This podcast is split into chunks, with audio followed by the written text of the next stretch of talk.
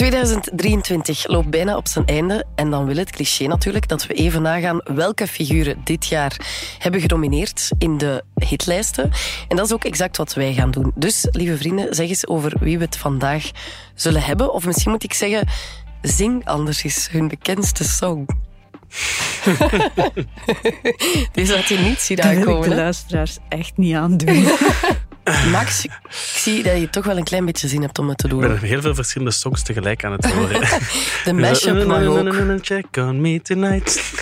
Die komt nu. En eh, Out of Style, dat is dan Taylor Swift. En daarvoor was ik Check on Me, of Check on It, van Beyoncé aan het zingen. Voilà, maar ik raak dus eigenlijk... Zeer mooie poging. Dankjewel en welkom. Max de Moor en Inge Schelstraten van de Cultuurredactie. Ja, welkom. Het kan nu alleen nog maar beter worden voor mij. Welkom bij Radar. Radar. Radar. Je wekelijkse cultuurpodcast.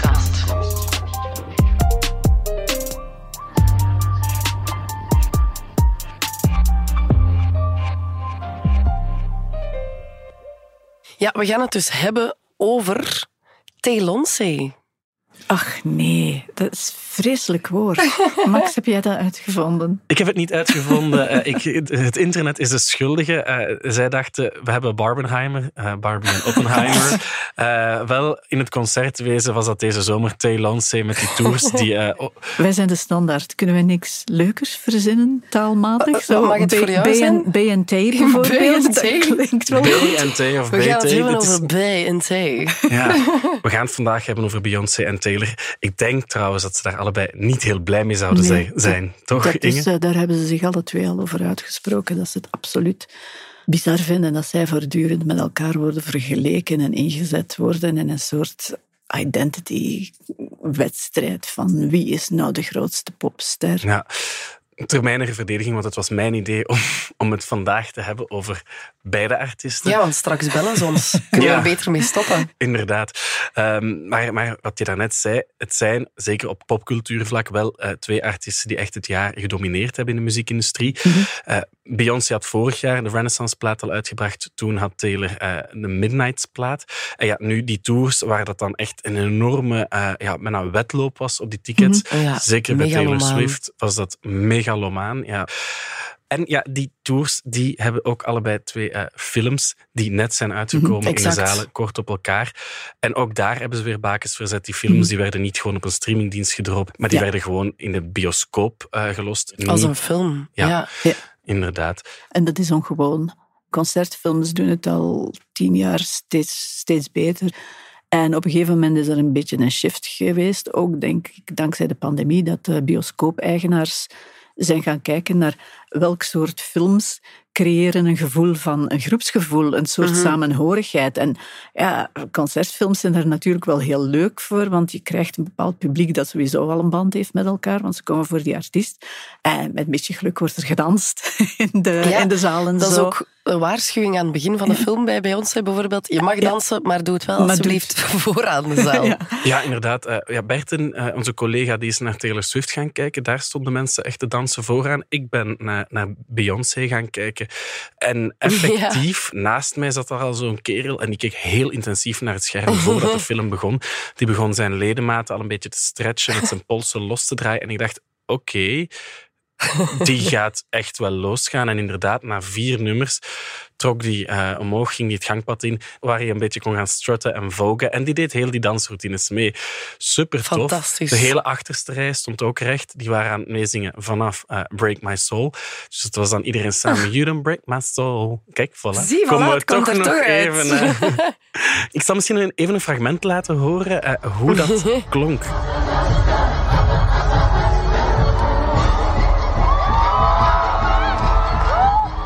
Toch echt het geluid van een stadium vol aan mensen.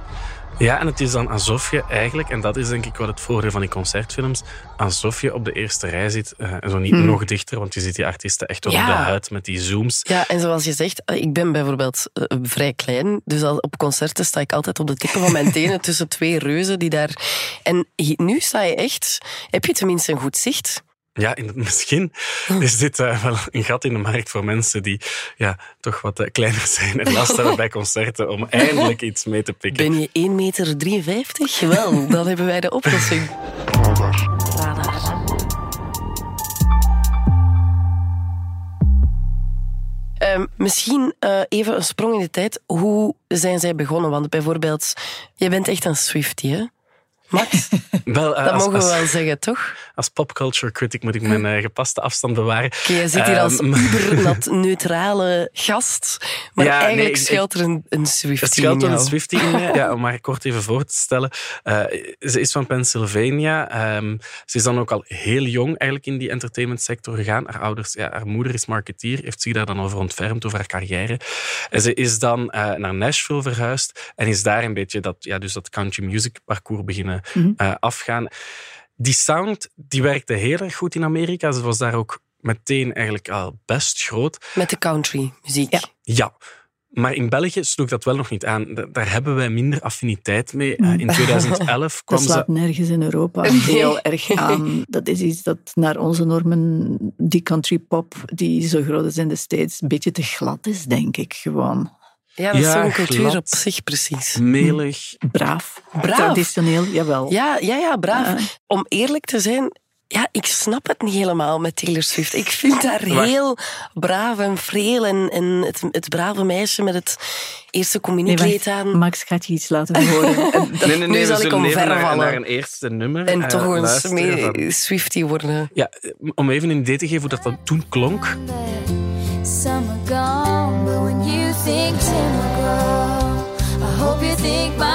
Was helemaal in het begin. Ja, dit is uit haar eerste plaat.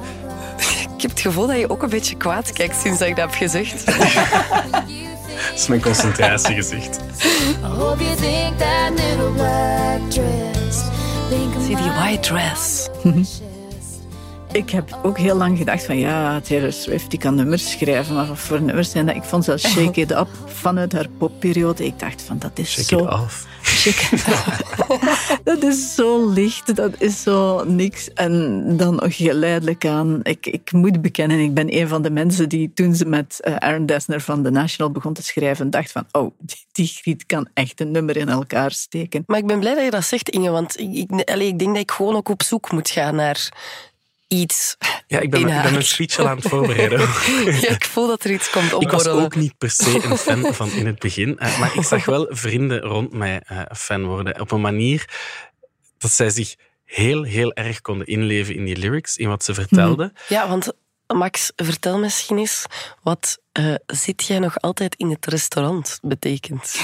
wel, ja, dus ik heb inderdaad met, met die vriendinnen dan die Taylor Swift zijn, van zijn. En een soort bijna uitdrukking uh, in ons jargon. En dat betekent, als iemand nog zit te kniezen over een ex, dan zit, je nog altijd in dat restaurant. En dat is een verwijzing naar Right Where You Left Me van Taylor Swift.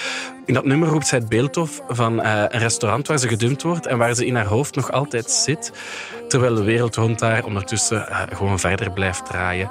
Everybody's moving on, behalve zij. Zij zit nog in dat restaurant. Help, I'm still at the restaurant. Still sitting in a corner I haunt. En wat ik ook wil, erbij wil toevoegen is, zegt dan zo, help, I'm still sitting at the restaurant. Dat is een portie zelf medelijden. Maar het is ook zo eerlijk uh, dat het aandoenlijk wordt. En dat is een deel van haar appeal. Ze is niet cool. nee, ze is niet cool, inderdaad. Ja. Ze is niet cool, ze is geen stijlicoon zoals Beyoncé. Ja, inderdaad. Nee. Beyoncé er ook niet wakker van. Bijna alle grote sterren zijn op hun manier uh, stijliconen. Dat is Taylor Swift opvallend genoeg niet. En dat is deel van haar appeal, denk ik. Uh, ik vergelijk het ook graag met een aflevering van Grey's Anatomy. je, komt daar misschien... Nu ben ik heel benieuwd. Ja, je komt al zappend misschien eens op zo'n aflevering. De eerste vijf minuten denk je, wat is dat hier voor een tranige trash en zo melig. Na tien minuten dan denk je, maar hoe loopt dat af met die patiënt? En mm, die twee, die ontluikende liefde op de operatiekamer, hoe gaat dat aflopen? En oh nee. en voor je het weet ben je hoekt en gebruik je termen onderling als zit je nog altijd in het restaurant? exact, exact. Radar. Misschien ook even in het kort. Ze waren allebei best jong. Beyoncé mm bijvoorbeeld Dat was een showbiz brat, zoals ze dat in Amerika zo mooi noemen. Dat wil zeggen dat ze op een zesde of zevende al uh, meedeed aan wedstrijdjes. En ze was nog een tiener toen Destiny's Child begon. Oh, Iedereen denkt altijd dat Beyoncé van het ene moment op het andere een superster geworden is. Maar eigenlijk is dus, als je daarnaar kijkt, is dat niet zo. Die eerste plaat van Destiny's Child, die had niet veel succes.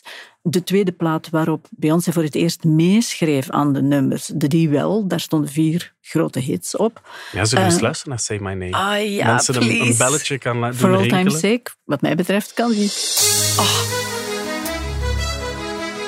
Ja, met die strijkers. Het komt inderdaad weer terug. Zal ik even doorspoelen? Ja.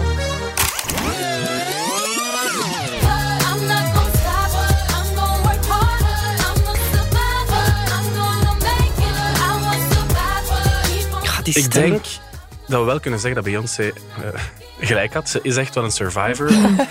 Want uh, ja, volgens sommigen was Beyoncé niet degene die Destiny's Child zou over, overleven. Toen Destiny's Child in 2002 naar het Sportpaleis kwam, uh, schreef onze man die het natuurlijk helemaal door had. Van, ze heeft de beste stem van de drie en de meest veelzijdige stem.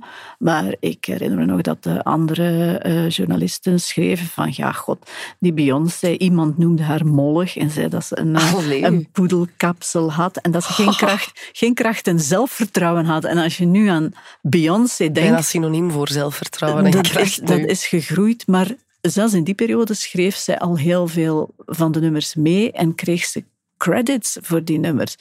En rond de eeuwwisseling, zwarte artiesten, eh, die stonden heel dikwijls hoog in de popregionen, waren niet noodzakelijk degenen die ook aan die pophits die ze hadden opgenomen ook het meest verdienden.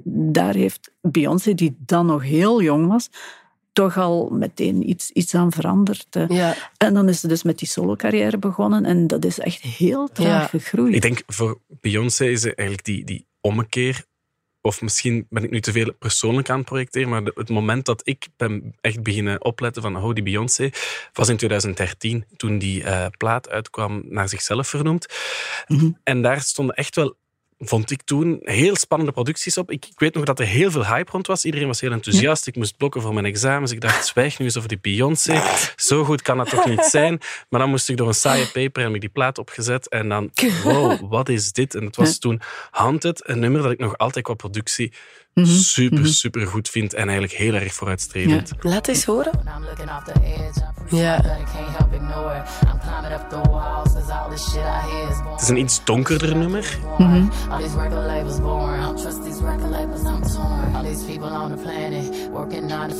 En dan valt die, die beat komt in, maar rustig aan het opbouwen.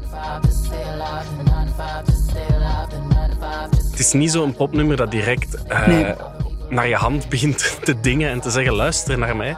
Maar het is wel een geluid dat daarna in pop veel alomtegenwoordiger geworden is. Dat, dat donkere, die beats, eh, die, die wat lijzige zang. Ja, Drake was daar de pionier in en die heeft ze ook op die plaat meegen op een ander nummer, Mine. Uh, maar zij heeft wel mhm. goed gezien, hey, ik kan hier ook iets mee. En ik mhm, vind Absoluut. dit ook een spannender nummer dan dus veel van wat Drake gemaakt dat heeft. Dat album, Beyoncé, dat was haar vijfde plaat al. Haar vijfde album. En zoals je zegt, daar staat Drake op, daar staat Justin Timberlake op. En uh, het opvallende voor mij was dan weer, behalve dat er goede songs op staan en goede productie, was dan, dat ze daar gewoon Chimamanda Ngozi Adichie, de Nigeriaanse schrijfster, uh, opzetten in Flawless, die dus gewoon uit haar essay We Should All Be Feminists voorleest. Totaal andere sound al, hè? We teach girls to shrink themselves, to make themselves smaller. We say to girls, you can have ambition, but not too much. You should aim to be successful, but not too successful, otherwise you will threaten the man. Because I am female, I'm expected to aspire to marriage. I'm expected to make my life choices, always keeping in mind that marriage is the most important. You wake up, housed up, Max al aan het meezingen. En in de tournee die daarop volgde, was dan ook het moment waar ze voor de letters feminist uh, heel breed over het podium gewoon ging dansen. Uh, maar je voelt ook wel dat vuur, dat feministische vuur dat aangewakkerd wordt. Ik krijg er nog altijd wel een beetje kippenvel bij. Ja, ik ben bijna zin om op de barricade te gaan staan. Ja, dat is waar.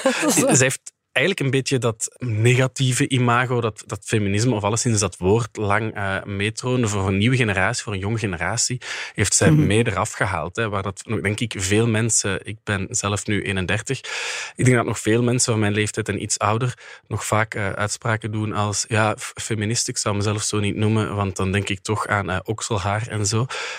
Terwijl het hier gewoon heel duidelijk wordt gezegd, het gaat gewoon om gelijkheid, jongens en meisjes en mannen dat, en heren. Dat komt ja, gaat natuurlijk. En, en brengt Taylor Swift bijvoorbeeld ook zo'n boodschappen? Wel, ik uh, was net een beetje mijn huiswerk aan het uh, doen uh, om te kijken de hoeveelste vrouw op de cover van Time Taylor Swift was als Person of the Year. En toen zag ik opeens dat ze in 2017 eigenlijk ook al met haar foto op de cover stond in de Person of the Year. Want hmm. in 2017 heeft uh, Time de, wat ze de Silence Breakers noemen, waren hun Persons of the Year. En dat waren dus de vrouwen die stelling hadden genomen in Me Too en dat bespreekbaar hadden gemaakt. En een van de foto's die er dan op stond was uh, Taylor Swift. Dus ja, wat dat betreft uh, is op een andere manier ook wel een feministe en een voorbeeld voor de vrouwen en de mannen die haar volgen. Ja? Ja, ja, toch wel. Uh, van Taylor Swift zie ik heel erg dat ze de vrouwen naar wie ze opkijkt en met wie ze wil werken mee op haar podium brengt en zo. Dat is mm. wat ze een paar jaar geleden haar squad noemde. Uh, de vrouwen die ook in haar video's, uh, zeker in de Bad Blood ja. video, uh, optreden. Dus andere muzikanten zoals Selena Gomez en Haim, die dan ook op haar Evermore album meewerkten. Camila Cabello. Beyoncé zo op een meer klassieke manier voert die haar activisme. Zij en Jay-Z hebben heel veel geld opgehaald voor de Historic Black Colleges and Universities. Dus alle universiteiten, vooral in het zuiden van de States, waar zwarte studenten zijn, heel veel geld over opgehaald. Uh, of ze gebruikt Serena Williams in, in een video en zo. Het is een, een andere manier om te zeggen van kijk, uh, er zijn heel veel vrouwen waar ik naar opkijk en waar ik iets voor wil doen. Maar ze doen alle twee op hun eigen manier ook uh, sociaal. Ze zijn ook allebei gaandeweg politieker gaan worden. Uh, Taylor Swift was het brave countrysterretje toen ze gelanceerd werd. Is dan op een gegeven moment, toen Trump dreigde verkozen te worden en hmm. ook verkozen wordt, is beginnen te zeggen van je moet wel gaan stemmen, jonge mensen. Dat hmm. is een recht dat je krijgt, maak daar gebruik van.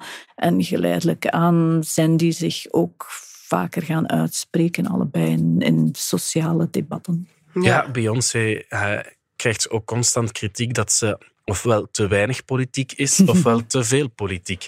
Uh, te weinig politiek omdat ze zich niet radicaal genoeg zou uitspreken voor uh, de rechten van zwarte mensen in de VS. Nu, recent bijvoorbeeld, is er ook een relletje over dat daar film in Israël draait. En dan waren er beelden ja. van mensen die met, uh, met de vlag van Israël zwaaiden op You Don't Break My Soul. Ja. Dat is natuurlijk niet zo'n goede optics in een ja, conflict dat zo gepolariseerd is. Langs de andere kant ja, zij heeft natuurlijk wel een, een empire te verdedigen. Als je in dat conflict in de VS stelling neemt, zeker pro-Palestina, uh, mm ik denk wel dat dat hele, hele grote gevolgen heeft. Dat, ja, daar moet je ook realistisch in zijn. Dat ja. gaat zelfs een radicale artiest als Beyoncé, op haar manier radicaal, gaat daar ook niet over mm één nacht ijs gaan, denk ik. Ik las wel fans die schreven: You will be successful either way, so just do it because it's the right thing to do. Ja, en iemand, nee, als ik, iemand het kan doen, is het misschien wel Beyoncé. Als iemand het kan doen, misschien Beyoncé. Maar ik denk toch echt dat je niet mag onderschatten wat dat betekent uh, in de VS. Mm. Die echt wel uh, een, een, een, bondgenoot is van Israël. Ik kan me zelfs voorstellen dat ze dan telefoon krijgt van het Witte Huis, om maar iets te zeggen. Uh, en daar, daar ben ik het echt niet om te lachen.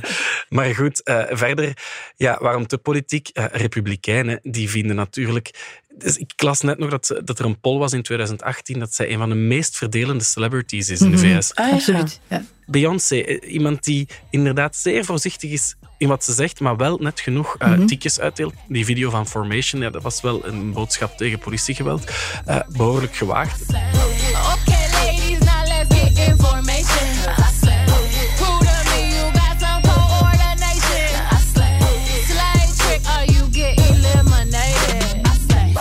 dat was wel op een moment dat dat Mhm. ook in de VS ook niet in dankbaarheid werd afgenomen. Ik denk mhm. nu Nee. bij de Democraten eh, is er al iets meer eensgezindheid, want je hebt dan eh, AOC en haar, Mhm. eh, en haar genoten, die waren er toen nog niet. Dus ik denk dat dat in het congres, als Beyoncé zich daar tegen uitspreekt, het was een beetje zoals Kanye West, die na. Katrina zei...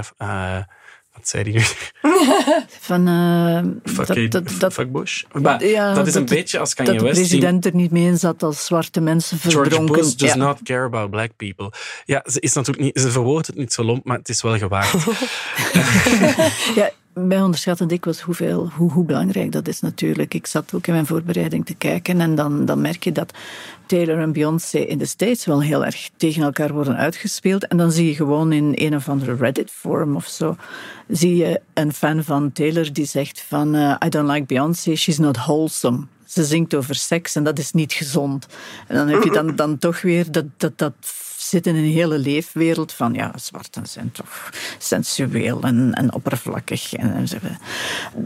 In de States zeker krijgt zij nog altijd, Beyoncé, hoe groot zij ook is, hoe onaantastbaar zij voor ons is, zo van de groot sterke Beyoncé, Ja. krijgt ze nog altijd dat soort pietluttige kritiek, maar dan wel van zoveel mensen en op zoveel sociale media, dat het toch echt wel waarschijnlijk in beslissingen meespeelt van oké, Ja. doe ik dit nog een keer of ga ik het dit keer overslaan? Zeker en Het verhoogt mijn eh, respect voor hen alleen maar wel, zal ik zeggen. En ik zal mijn mening over Taylor Swift herzien, Max. Dat is beloofd. Luister en, en oordeel zelf. Volgende week ben ik hoekt.